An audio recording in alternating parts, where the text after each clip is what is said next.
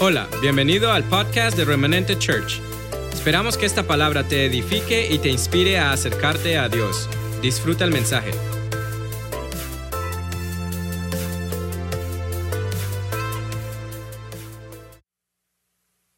Cuando hablamos de lo profético, muchas veces para la gente es algo como desconocido, como que es algo para personas especiales. Gerson, qué alegría verte. Como para personas especiales. Pero realmente lo profético tiene que ver con el día a día nuestro. Todo lo que Dios ha establecido para nosotros es profético. Todo aquello que Dios ha hablado acerca de ti es profético. Y es importante que estos tiempos, más allá de que la palabra profecía o profético, o todo lo que tenga que ver con, con lo que es profecía, suena como algo muy espiritualizado o algo muy religioso, realmente tiene que ver con nuestro día a día. Y es importante que estos tiempos, la iglesia, nosotros, nos familiaricemos, y es el trabajo nuestro como pastores, como apóstoles, como maestros, instruir a lo que esto realmente representa, instruir que la iglesia asimile el caminar profético en su día a día. ¿Por qué? Porque cuando usted va a desarrollar un plan, un proyecto, cuando usted tiene un sueño que, alcanzar, cuando usted se coloca una meta o va a tomar una decisión, ya sea de estudio, de negocio, de familia, de relación, de cualquier índole, de cambio de ciudad, de país, de cualquier índole, usted busca una dirección, usted busca una guía. Y como hijos de Dios, mínimo, lo primero que pensamos es, Señor, ¿qué hago? Es cierto, ¿verdad? Por, muy mal que estemos, decimos, Señor, ayúdame, ¿qué hago? Ahí entra lo profético. Entonces, desde ese, desde ese punto, debemos ser conscientes que lo profético realmente tiene que ser un día a día en nuestra vida.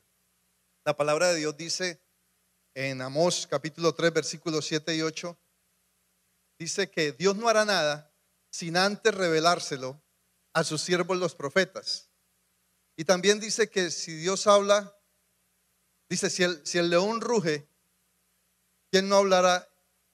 Y si el Señor, perdón, si el león ruge, ¿quién callará? Y si el Señor habla, ¿quién no profetizará? Entonces, cuando hablamos de lo profético, es importante que usted empiece el año pensando, yo tengo una naturaleza profética. Usted tiene una naturaleza profética.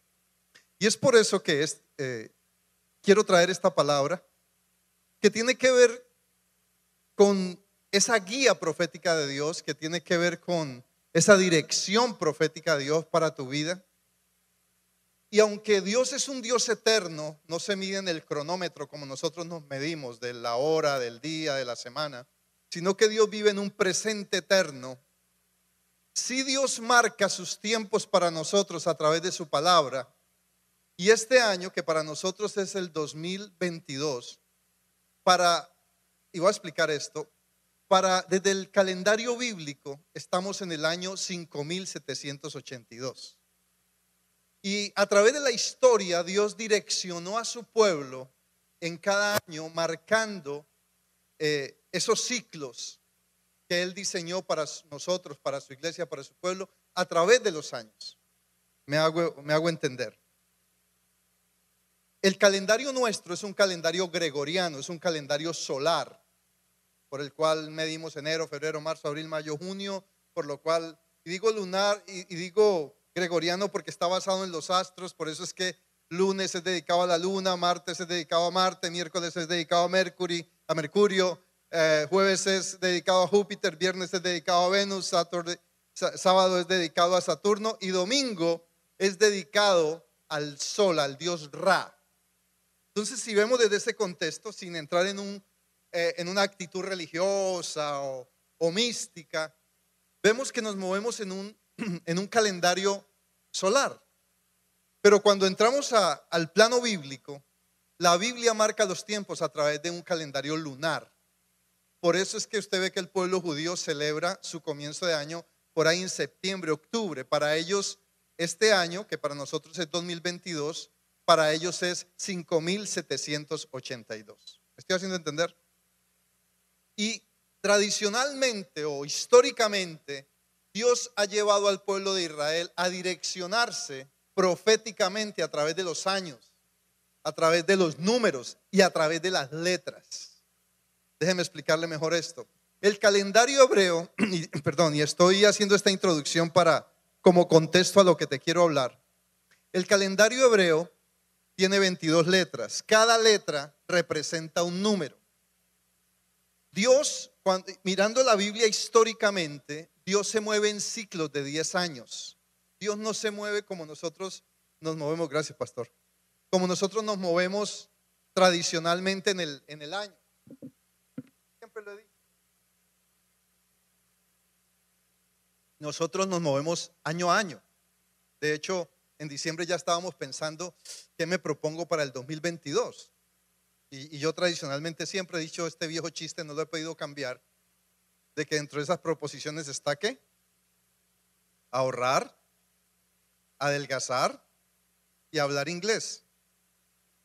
Y eso nos lo proponemos en el año, ¿verdad? Es lo, como lo más tradicional. Cuando termina el año, o sea, el 2022 o ahora que terminó el 21, estábamos más gordos, se nos estaba olvidando el español y estábamos pelados. No, mentira, no estábamos pelados. Entonces, pelados para nosotros es sin cinco, bueno, claro. Ese, ese es el viejo chiste mío de, acerca de lo que son las proposiciones del año. Pero yendo más allá de esto, Dios se mueve en ciclos de 10 años. Entonces, en ese ciclo de 10 años marca décadas, lo que quiere decir que bíblicamente, así como nosotros estamos en los años 20, en el calendario gregoriano o calendario tradicional, en el calendario bíblico estamos en la década del 80, en la década de los 80. La década de los 80 fue marcada por la letra Pei en, en el alfabeto hebreo.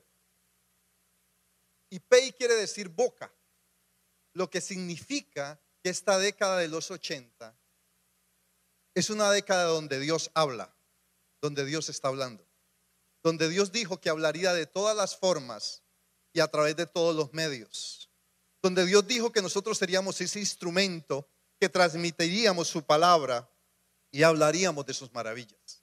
Estamos en la década donde Dios habla. Amén. Donde Dios está hablando de todas las formas. Dice la palabra en Hebreos que Dios, habiendo hablado por los profetas y por los padres todos los tiempos, sigue hablando hoy.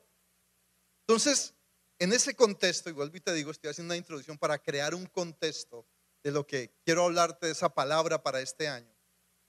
Eh, el año pasado fue el año 81 que marcó eh, el año de Dios, se llamó el año de Dios porque era la letra, la primera letra del alfabeto hebreo, que es el Aleph, lo que llaman la letra de Dios. Pero este año, curiosamente, representa mucho porque es el número 2 y está representado por la letra, ya les dije, el 80 está representado por la letra Pei, que quiere decir boca, eh, paréntesis. El antiguo hebreo era representado por jeroglíficos. Es lo que se llama el hebreo protocananeo. O sea, es un hebreo eh, en figuras, pero ese hebreo evolucionó y cambió a letras. Entonces, dentro de ese hebreo jeroglífico, el año 80 estaba representado por, por una boca. El año 82 eh, en este caso está representado, o dos, por la letra Bet, y es la primera letra del alfabeto, la segunda letra, perdón, del alfabeto hebreo. Y curiosamente hay algo. El pueblo o los escribas que, hicieron la Biblia, que escribieron la Biblia, perdón, no quisieron empezar la Biblia con la letra uh, Aleph, que es la primera letra, porque es considerada una letra sacra, una letra santa, que no se toca en ese caso. Entonces usaron la segunda letra, que es la Bet, de donde sale la palabra Berechit, que quiere decir en el principio. Eso que usted lee, lee, perdón, lee en el, en el Génesis capítulo 1, versículo 1, que dice en el principio, es la palabra Berechit está representada por esa letra Bet. Bet, dentro del hebreo protocananeo jeroglífico está representado por una casa, lo que significa que el año 2022 o 1782 es el año de construir la casa del Señor. Amén. Es el año de construir la casa. Es el año de construir tu casa. Es el año donde Dios hará que muchas cosas que tú expectabas en tu entorno sean liberadas y sean transformadas. Entonces, esa es la palabra que Dios tiene para este año. Año de construir la casa. Y cuando hablamos de construir la casa, a veces representamos o figuramos en la mente la familia o, una casa física. No, es mucho más que eso. Construir la casa en, el, en el diseño de Dios tiene que ver con todo tu entorno. Tiene que ver con tu vida, con tu familia, con tus finanzas, con tu salud, con tu trabajo, con tus sueños, con tu estudio, con tus proyectos, con tu iglesia, con tu ministerio, con tu llamado, con tu servicio. Ese es el paquete completo que Dios nos habla hoy cuando dice que es el año de construir la casa. Bet. Bet. La segunda letra, Berechid. Y esa, esa letra también tiene que ver con un comienzo. Tiene que ver con establecer un comienzo. Estamos comenzando un año donde Dios libera su palabra para este tiempo. Y, cuando estamos hablando de que es una década donde Dios está hablando, es cuando nosotros tenemos que abrir nuestro oído a escuchar aquello que Dios ha, dicho, ha establecido, ha planteado, está trayendo, ha diseñado para tu vida, para mi vida, para mi familia, para mi entorno. Y es también, representa, cuando hablamos de Berechí, el principio, el comienzo, lo primero, tiene que, es una invitación también a que Dios sea lo primero en nuestra vida. Siempre esa invitación ha estado vigente. Siempre Dios ha estado exhortando, lo hemos escuchado por años, aquellos que hemos sido levantados en la palabra, sabemos que siempre hemos sido eh, eh, exhortados, invitados a que Dios se convierta en lo primero en mi vida. Y este es un buen tiempo cuando estamos rodeados de, mire, hemos estado caminando en el filo. Una de las cosas que yo veo es que la humanidad en este momento está caminando en el filo. Y cuando camina en el filo es muchos perdieron la vida a causa de una pandemia. Fue caminar en el filo y seguimos caminando en el filo. Seguimos, ya hemos entrado en una etapa donde desafiamos la pandemia. ¿Por qué? Porque uno encuentra mucha gente en aeropuertos, en lugares que no usa tapaboca, está desafiando algo. Y no, no, no, es una crítica nada. No se lo pongan ni se lo quiten, no, no tiene que ver con eso.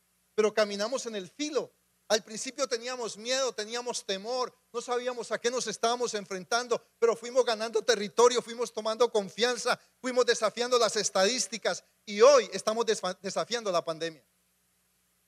Y está bien, no me malentienda, está bien que, no nos dejemos eh, acorralar por el temor, por la incertidumbre, pero también debemos ser sabios y hacerlo con propiedad, hacerlo con dirección, hacerlo con, con, con un corazón en confianza y no caminar al filo. Entonces a veces cuando digo que caminamos al filo es porque nos hemos alejado de Dios. Porque cuando tú caminas de la mano de Dios, Dios te va a llevar por un camino seguro, con un paso firme, construyendo firmemente. Entonces este es un tiempo para que construyamos casa. Y cuando estoy hablando de esto, es que nosotros entremos en esa dimensión donde Dios empieza a darnos una, una guía, una dirección clara de cómo construir aquello que nosotros emprendamos. Hay proyectos en tu vida, hay planes en tu vida tú has tenido ahí retenidos, pero hoy el Señor te dice, yo te voy a dar la dirección, yo te voy a decir cómo construir, yo te voy a llevar de la mano a decirte, hazlo de esta manera. Y tú y yo debemos expectar que este es el tiempo en que Dios nos va a traer una dirección clara, porque además es la década donde Dios está hablando claramente, pero también este año Dios quiere construir a través tuyo. Amén. Dale ese aplauso al Señor. Entonces, esa palabra bet o berechid tiene que ver con construir tu entorno, con construir casa, en saber edificar conforme al fundamento que Dios ha establecido. Dice la palabra en Efesios capítulo 2, versículo 20, que Dios quiere construir su iglesia, su casa, sobre el fundamento de lo apostólico y lo profético. Y ahora yo les hablaba a ustedes de lo profético. Y, a veces lo vemos como algo muy místico, muy, muy desconocido para nosotros. Pero es tiempo de que la iglesia se familiarice, se apropie de lo que la palabra ha dicho acerca de ello, de, de nosotros, de lo que Dios ha dicho acerca de nosotros. Dios nos ha levantado como una iglesia apostólica, profética, pastoral, magisterial, evangelística. Y ese es el entorno en que nosotros debemos movernos. Cuando hablamos de lo profético y lo apostólico, estamos hablando de un fundamento, no estamos hablando de un hombre, de un título, estamos hablando de algo que Dios estableció para que construyamos. Y es cuando la iglesia tiene que tomar la propiedad, el derecho legal para establecer sobre un fundamento firme aquello que anhela, aquello que sueña, aquello que proyecta, aquello que desea, aquello que Dios ha dicho. Bereshit. Dice la palabra en primera, en primera de Pedro, capítulo 2, versículo 5. Vosotros también, ¿quiénes? Nosotros, como piedras vivas, somos piedras vivas, sed edificados como casa espiritual y sacerdocio santo para ofrecer sacrificios espirituales aceptables a Dios por medio de Jesucristo. ¿Qué significa esto? Que tú y yo somos ese material, así como en lo físico, en lo, en lo material, valga la redundancia, se construye una casa de diferentes maneras con diferentes materiales, cemento, grava eh, y bueno, todo lo que se usa aquí para construir una casa. Cuando hablamos de construir en el reino, en la iglesia, nosotros somos ese material de Dios, somos esas piedras vivas que Dios usa para edificar todo. Tú eres ese instrumento de Dios, tú eres esa materia prima de Dios, tú y yo lo somos para que Dios construya. Y este es un tiempo donde Dios quiere que nos liberemos como esas piedras vivas, que nos mantengamos dispuestos a ser edificadores y a ser instrumento de, de construcción, por decirlo de esa forma, aquello que Dios quiere establecer este tiempo. ¿Para qué? Déjeme, déjeme explicarle esto. En el mundo espiritual, nosotros, en el, escúchame esto, en el mundo espiritual, Dios no nos ve con esta carne. En el mundo espiritual, Dios no nos ve emocionales. En el mundo espiritual, Dios no nos ve, no ve nuestras debilidades. En el mundo espiritual, Dios nos ve en este caso como piedras vivas, como material maleable, pero también como material apto para construir todo aquello que Él ha determinado y ha diseñado en la tierra para nosotros y por nosotros. Me estoy haciendo entender, iglesia. En el mundo material, Dios no nos, en el mundo espiritual, perdón, Dios no nos ve imperfectos. En el mundo espiritual, Dios ve en nosotros aquello que Él dijo. En el mundo espiritual, Dios te ve victorioso, Dios te ve concluido, Dios ve que has alcanzado aquello para lo cual Él te creó. Entonces, cuando estamos hablando de piedras vivas, es que tomemos ese diseño de lo espiritual y lo empecemos a manifestar y a modelar en lo natural. Porque es ahí cuando la palabra cobra vida y en este caso empezamos a, a construir lo que Dios quiere que construyamos. Pero necesitamos de un fundamento. La iglesia necesita de un fundamento. Y cuando estamos hablando de lo apostólico y lo profético, no estamos hablando de un título, estamos hablando de un fundamento sobre el cual pararnos firmes para proyectarnos en todo aquello que como iglesia emprendamos. ¿Me estoy haciendo entender, iglesia? Es necesario que entendamos estos tiempos, el lenguaje de Dios. Es necesario que nos familiaricemos con aquello que Dios ha hablado desde siempre y en todo tiempo. Y cuando hablamos de construir casa, Dios nos ha dado herramientas como los cinco ministerios, cuando hablamos de construir la iglesia, para que sean esas her- herramientas, esos instrumentos que edifican, que modelan el diseño de Dios. Por eso muchos de ustedes tienen contenido, un llamado específico de Dios. Y quizá no lo han descubierto. No todos seremos pastores, no todos seremos apóstoles, no todos seremos maestros, no todos seremos evangelistas, no todos seremos eh, maestros o, pastores o profetas. Pero hay algo que Dios ha depositado en ti, que es aquello que Él necesita para construir en la tierra. Entonces es un tiempo más allá de lo romántico, más allá de, de lo espiritualizado, más allá de lo religioso, donde nosotros hagamos de esto un estilo de vida que nos permita movernos en ser hombres y mujeres constructores. Mire lo que dice, no sé, me llega un pasaje ahora, voy a buscarlo si recuerdo. Creo que está en, Jeremías 29. Déjeme, déjeme, a ver. De, eso que cae en la cabeza así como del cielo. Jeremías 29, déjeme rapidito. No lo tenía en mis notas, pero, pero me llegó aquí. Vamos a ver si Jeremías 29, 4. Ok, escucha esto. Jeremías 20, sí, 29, 4, 5 más especialmente. Dice, así ha dicho el Señor de los ejércitos, Dios de Israel, a todos los de la cautividad que hice transportar de Jerusalén a Babilonia. Edificad casas y habitadlas y plantad huertos y comeos del fruto y comed del fruto de ellos. Wow. Otra vez. Edificad casas y habitadlas y plantad huertos y comed del fruto de ellos. Casaos y engendrad hijos e hijas. Da muchas mujeres a vuestros hijos y da marido a vuestras hijas, para que tengan hijos e hijas y multiplicaos ahí y no os disminuyáis. Procurad, escúchame, procurad parte del construir. Tiene que ver con familia, tiene que ver con generación, tiene que ver con expandirnos, tiene que ver con extendernos, pero todo, sobre todo, tiene que ver con fructificar. Tú eres, tienes la capacidad de fructificar. Y mire lo que dice el versículo 7. Y procurad la paz de la ciudad a la cual os hice transportar y rogad por ella al Señor, porque en su paz tendréis vosotros paz. ¿Qué significa? Que Dios nos ha plantado en un lugar para que construyamos y para que traigamos paz a ese lugar. Tú eres parte de esta jurisdicción. En tu vida, en tu familia, en tu trabajo, en tu iglesia, en tu barrio, en tu ciudad, en tu colonia, tú eres un provocador de paz.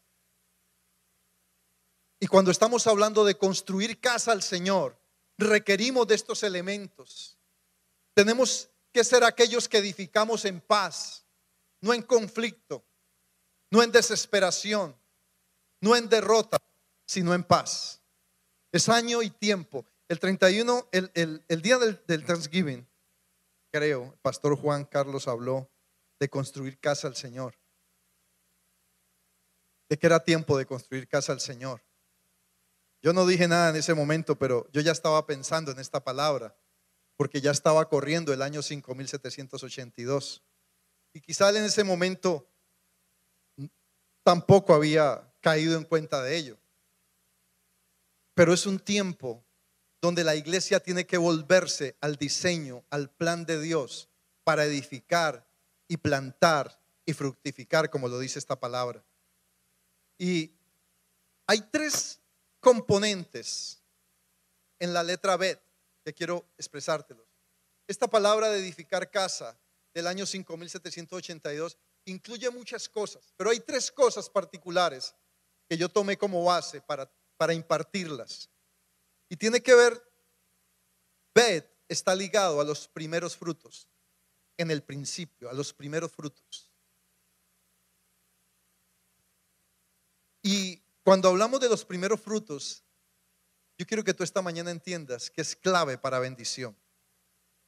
Porque el punto de los primeros frutos siempre estuvo involucrado en todo comienzo y en todo lo nuevo que, que, Dios quiso hacer en medio de su pueblo. Era la manera como Dios buscaba ser honrado. Por eso, curiosamente, el, el sembrador que sembraba el trigo en la antigüedad él tomaba la primera hoja, la primera hoja, y la sembraba para Dios. La primera semilla y la sembraba para Dios. El pastor de ovejas cogía el mejor cordero, la mejor oveja, y la dedicaba a Dios. Eso tenía que ver con los primeros frutos. Porque es importante darle a Dios lo primero. Es tan clave, mira, si, si los seres humanos, si la humanidad, no solamente la iglesia, entendiéramos el principio del primer fruto, había mucho menos miseria en el mundo. Habría mucho menos miseria y, habría mucho menos pobreza. Aquellas naciones, porque hay naciones que han entendido estos principios y uno de ellos es Israel. Por eso usted en Israel no ve pobreza como la ve particularmente en otras naciones. Hemos ido dos veces a Israel y, y por lo menos el pueblo judío siempre se le ve bien. El que es judío, el que es nativo, siempre se le ve bien, se le ve próspero, se le ve, se le ve bendición, transmiten la bendición. Cuando uno camina en los barrios de Jerusalén o, en algunos lugares donde ellos se mueven, porque no se mueven en todo Israel, tú ves la bendición aún en el barrio, tú ves las construcciones, tú ves sus carros, tú ves cómo se mueven, sus negocios, y se ve bendición. Porque ellos aprendieron este principio y caminan en ese principio de los primeros frutos. Entonces, cuando hablamos de construir, lo primero que tenemos que asegurar para el recurso es la semilla, el primer fruto. El problema es que desafortunadamente nos hemos levantado en culturas donde nos comemos el mejor fruto. Donde en vez de sembrarlo, nos lo comemos. Entonces terminamos comiéndonos la semilla. Dice la palabra en, en, Corintios que Dios da, Dios da pan al que come y semilla al que siembra. Ellos entendieron que cuando ellos dan la mejor semilla, recogen el mejor fruto. Y es un principio que se convierte en un ciclo.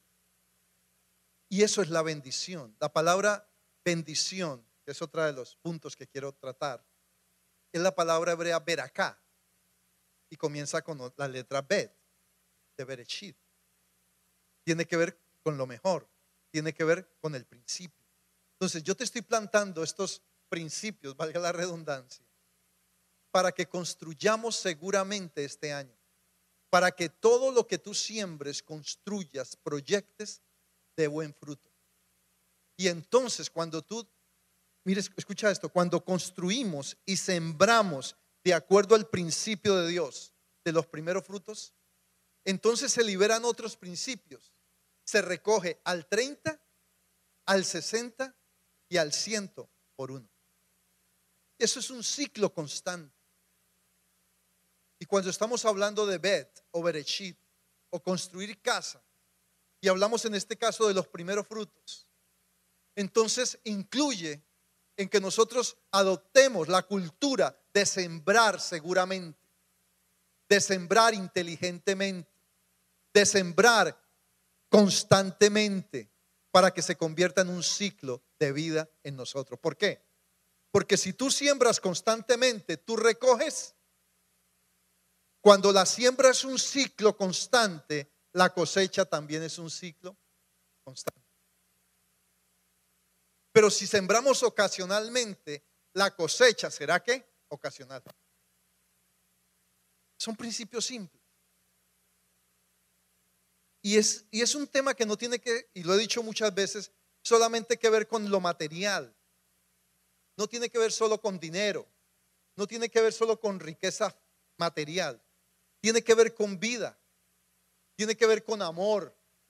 Tiene que ver con, con influencia tiene que ver con valor. Siembra valores en los hijos. Siembra valor. Dale valor a la gente y tú recogerás gracia, favor. Y sobre todo influencia. Cuando tú le das valor a la gente, tú traes una influencia sobre ellos y vas a recoger que puedan ver en ti lo que Dios ha hecho. Entonces, cuando estamos hablando de construir casa, no es solamente la mentalidad que tenemos de construir algo físicamente o construir una iglesia físicamente. Tiene que ver con mi entorno, Bereshit, primeros frutos. Entonces lo otro tiene que ver con pacto.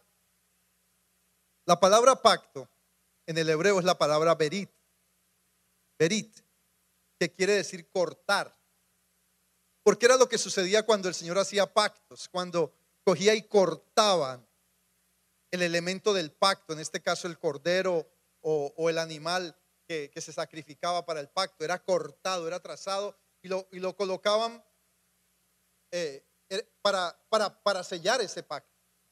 Entonces la expresión, más de, de, decir vamos a hacer un pacto, lo que se decía es verit, o sea, vamos a cortar un pacto. ¿Por qué? Porque era cortar el animal y pararse sobre él, comprometiéndose a ese pacto. Entonces, construir en este caso tiene que ver con pactar con Dios. Pactar con Dios. Y pactar requiere de dos partes. Una es Dios en este caso y la otra somos tú y yo. Y todo pacto, si usted ve a través de la historia de los pactos, de los muchos pactos que la, que la, Biblia, la Biblia habla, tiene que ver con un elemento. Hay un elemento en el pacto. Hoy por hoy el elemento del pacto es tu corazón y mi corazón. Ese es el, el elemento más fuerte. Cuando mi corazón lo doy, lo comprometo, lo corto para dárselo a Dios. Lo circuncido para dárselo a Dios. Entonces, cuando estamos hablando de pacto, un pacto es un compromiso mutuo. Y esta es la clase de pacto que usted lo puede leer en Génesis 15, Dios hizo con Abraham. Incluyó perdón, incluyó sanidad, incluyó redención, protección, amor, bendición. Algo nuevo incluyó. Así que Dios quiere que caminemos en una relación de pacto, que construyamos a través del pacto. Lo otro que Dios quiere hacer a través de construir casa es bendecir. Bendecir. Yo sé que la palabra bendición incluye muchas cosas, pero hay algo especial. Siempre que hablamos de bendición, lo primero que pensamos es en una necesidad. Yo necesito que Dios me bendiga. Necesito que Dios, necesito que Dios cubra mi necesidad. Como te lo decía ahora, la palabra bendición es la palabra veracá. Tiene muchos significados. Eso incluye inclusive shalom, que quiere decir completa paz, completa prosperidad, completa salud, completa eh, bendición, completo ánimo. Entonces, este año 5782, Bet, es un tiempo para que tú construyas tu vida, tu familia, tu entorno, tu salud, tus finanzas, tus sueños, tu iglesia, tu llamado, tus proyectos. Y Dios está en medio de ellos.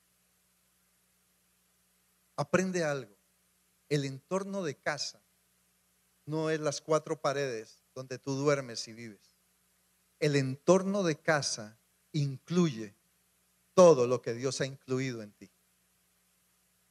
Otra vez, el entorno de casa para Dios no tiene que ver solo con las cuatro paredes. Eso es lo que la cultura nos ha estructurado. Pero el entorno de casa tiene que ver con todo lo que Dios ha establecido para ti ha incluido dentro de ello. Cuando Dios está hablando de construir casa, quiere construir bendición en tu vida, quiere construir salud en tu vida, quiere construir una familia firme, bendecida, próspera, una generación que contenga herencia. Construir casa en el, en el, en el entorno de Dios es construir herencia. Es construir herencia. Y obviamente es un año para construir la casa del Señor como iglesia. Váyase un momentico a, a, Deuteronomio capítulo 26.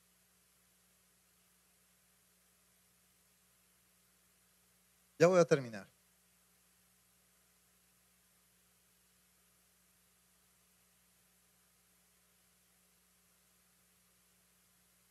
Esta es una palabra que más que una prédica es una guía para este año en tu vida. De que todo lo que hagas lo hagas pensando en construir, en construir la casa. Y ya sabes lo que es el entorno de casa.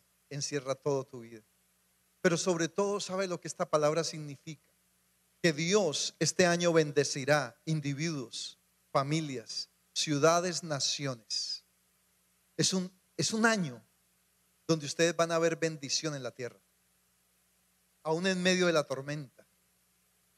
Es un año donde se abrirán sendas donde tú no las habías visto antes, donde verás ríos en el sequedal, donde caminarás en tierra firme, aún en medio de la dificultad, de la pandemia y de las noticias.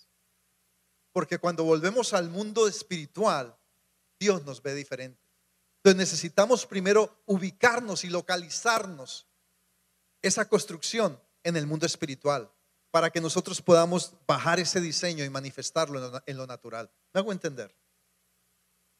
Necesitamos visualizarnos en lo espiritual, en cómo Dios nos ve, en lo que Dios quiere construir.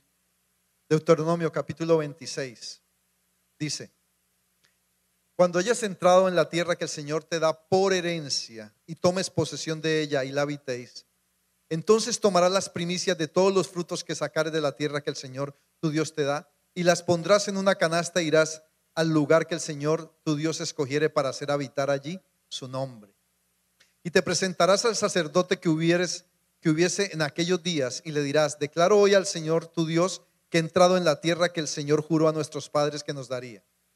El sacerdote tomará la canasta de tu mano y la pondrá delante del altar del Señor tu Dios.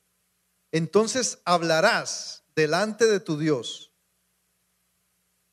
Entonces hablarás y dirás delante del Señor tu Dios, un arameo a punto de perecer fue mi padre, el cual descendió a Egipto y habitó con pocos hombres. Y allí creció y llegó a ser una nación grande, fuerte y numerosa. Y los egipcios nos maltrataron y nos afligieron, pusieron sobre nosotros una servidumbre. O sea, hemos pasado situaciones. Y clamamos al Señor nuestro Dios, Dios de nuestros padres, y el Señor oyó nuestra voz y vio nuestra aflicción, nuestro trabajo y nuestra opresión. Y el Señor nos sacó de Egipto con mano fuerte, con brazo extendido, con grande espanto y con señales y con milagros. Y nos trajo a este lugar y nos dio esta tierra, tierra que fluye leche y miel. ¿Cuántos creen esto? ¿Cuántos creen que esta es una tierra de bendición para ti? Déjame decirte, esta es tu jurisdicción, este es tu territorio, esta es tu nación y aquí construyes. Aquí vas a construir. Necesitamos establecernos. El Señor necesita que su iglesia se establezca. Ya no podemos andar de aquí para allá. Establezcámonos y construyamos. Hace unos años, y siempre recuerdo esto, la pastora Eliana dijo algo. Ellos llevan 20 años en esta casa, literal 20 años. Y aquí han construido. Ellos son un testimonio de que aquí han construido vida, familia, empresa, ministerio. ¿Por qué? Porque ellos escogieron este territorio que Dios les dio para sembrar, para edificar, para construir y para heredar. Hay fruto de construir, hay fruto de tomar tu territorio. Uno de los problemas que yo veo en la gente que anda para allá y para acá es que no construyen sobre tierra firme. Y van a venir situaciones, claro. Y van a venir desánimos, claro. Y van a venir cosas que te quieren hacer, que te quieren sacar y salir corriendo. Pero cuando tú te mantienes en el ciclo, el ciclo, eso es como cuando vas en un vuelo en avión. No todo el vuelo es tranquilo. Cuando de pronto por ahí aparece una, pronto puedes ir tranquilo y de pronto aparece qué? Una, ¿Qué tal que tú pensaras en ese momento en bajarte del avión? Muchos lo piensan. No hay cómo bajarse del avión en ese momento. Por ejemplo, ahora que veníamos con mi esposa, nunca nos había tocado una turbulencia y un vacío tan fuerte de Cali a Bogotá como nos tocó en este vuelo. Uy, estaba la cosa un poquito difícil. Ya. Yo creo- ahí pensé bajarme del vuelo, sinceramente. Entonces, ¿cuántos han querido, se han bajado del vuelo y se han ido al precipicio? Construye, escoge la tierra que Dios te ha entregado, como dice este pasaje, y construye tu vida, tu familia, tus finanzas, tus sueños, tus proyectos, tu iglesia, tu llamado, tu ministerio. Y vas a ver fruto. Y aquí hay muchos que han decidido plantarse en este territorio y han visto el fruto. Amén. Dale ese aplauso al Señor. Entonces, este año 5782 es año de qué? De construir la casa. Vamos a construir la casa. Tú le vas a decir al Señor, Señor, yo voy a construir casa para mí y para ti este año. Y no solamente en lo físico, en muchas cosas que tú has dejado inconclusas. Pero requiere de qué? De traer el primer fruto al Señor, de buscar al Señor como lo primero, de darle lo mejor a Dios. Es tiempo de darle lo mejor a Dios. Siempre ha sido un dicho, Señor, yo quiero darte lo mejor de mi vida, pero se queda en un dicho. Pero es tiempo de actuar, es tiempo de salirnos del borde y caminar de la mano del Señor y construir en paso firme, construir la casa del Señor en paso firme. Año de construir la casa del Señor. Bet, Bereshit, primeros frutos, pacto y bendición. Amén. Ponte de pies.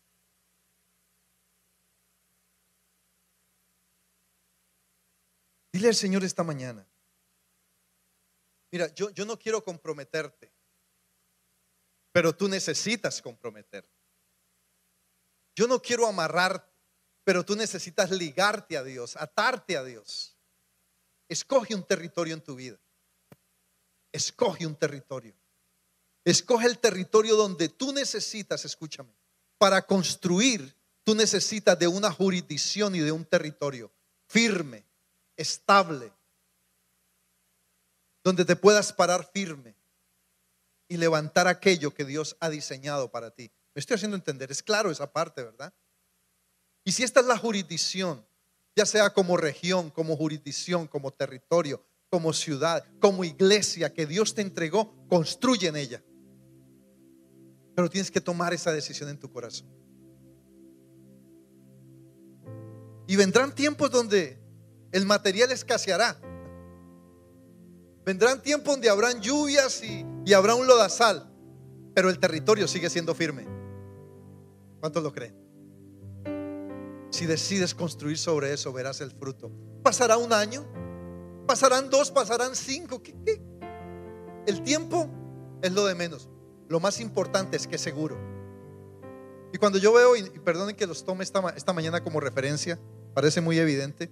Cuando veo, pues obviamente la vida de, de Eliana y Juan Carlos, con quien hemos caminado 20 años, yo sí, esto que yo estoy diciendo, yo lo he visto representado en ellos. Obviamente lo he visto representado en mí, en mi familia, en mi casa, en mi ministerio, en las iglesias que Dios nos ha permitido abrir, en todo lo que se está, pasando. Pero es un tiempo de construir también para el mundo. Necesitamos ser esa influencia para el mundo. Acabamos de, de crear una fundación muy fuerte en Colombia, Remafon, porque queremos influenciar el mundo. Queremos construir para el mundo también. Porque Dios es constructor, Él es arquetipo, Él es arquitecto por excelencia. Entonces cuando veo la vida de ellos, puedo con autoridad mostrar evidencia de esta palabra. Porque todo lo que te he dicho aquí, yo lo he visto surgir en ellos. Y la gloria sea al Señor. Lo he visto en personas como la hermana Carmen, su familia, su esposo, que un día decidieron construir en tierra firme. Son testimonios de vida. En Héctor. Y perdona que lo diga Héctor. Un día Héctor Saonero llegó y me dijo, pa, veníamos de un viaje de Manizales, de un congreso. Y él me dijo, yo he decidido acogerme a este territorio, a esta paternidad. Y tengo que decirlo, y tengo libertad para decirlo. Me dijo, estoy pasando un tiempo difícil en cuanto a las finanzas. ¿Tú crees que Dios me volverá a levantar? Él había tenido un negocio muy próspero. Y yo le dije, Dios te va a levantar mucho más fuerte de lo que fuiste. Y hoy hemos visto eso en la vida de él también.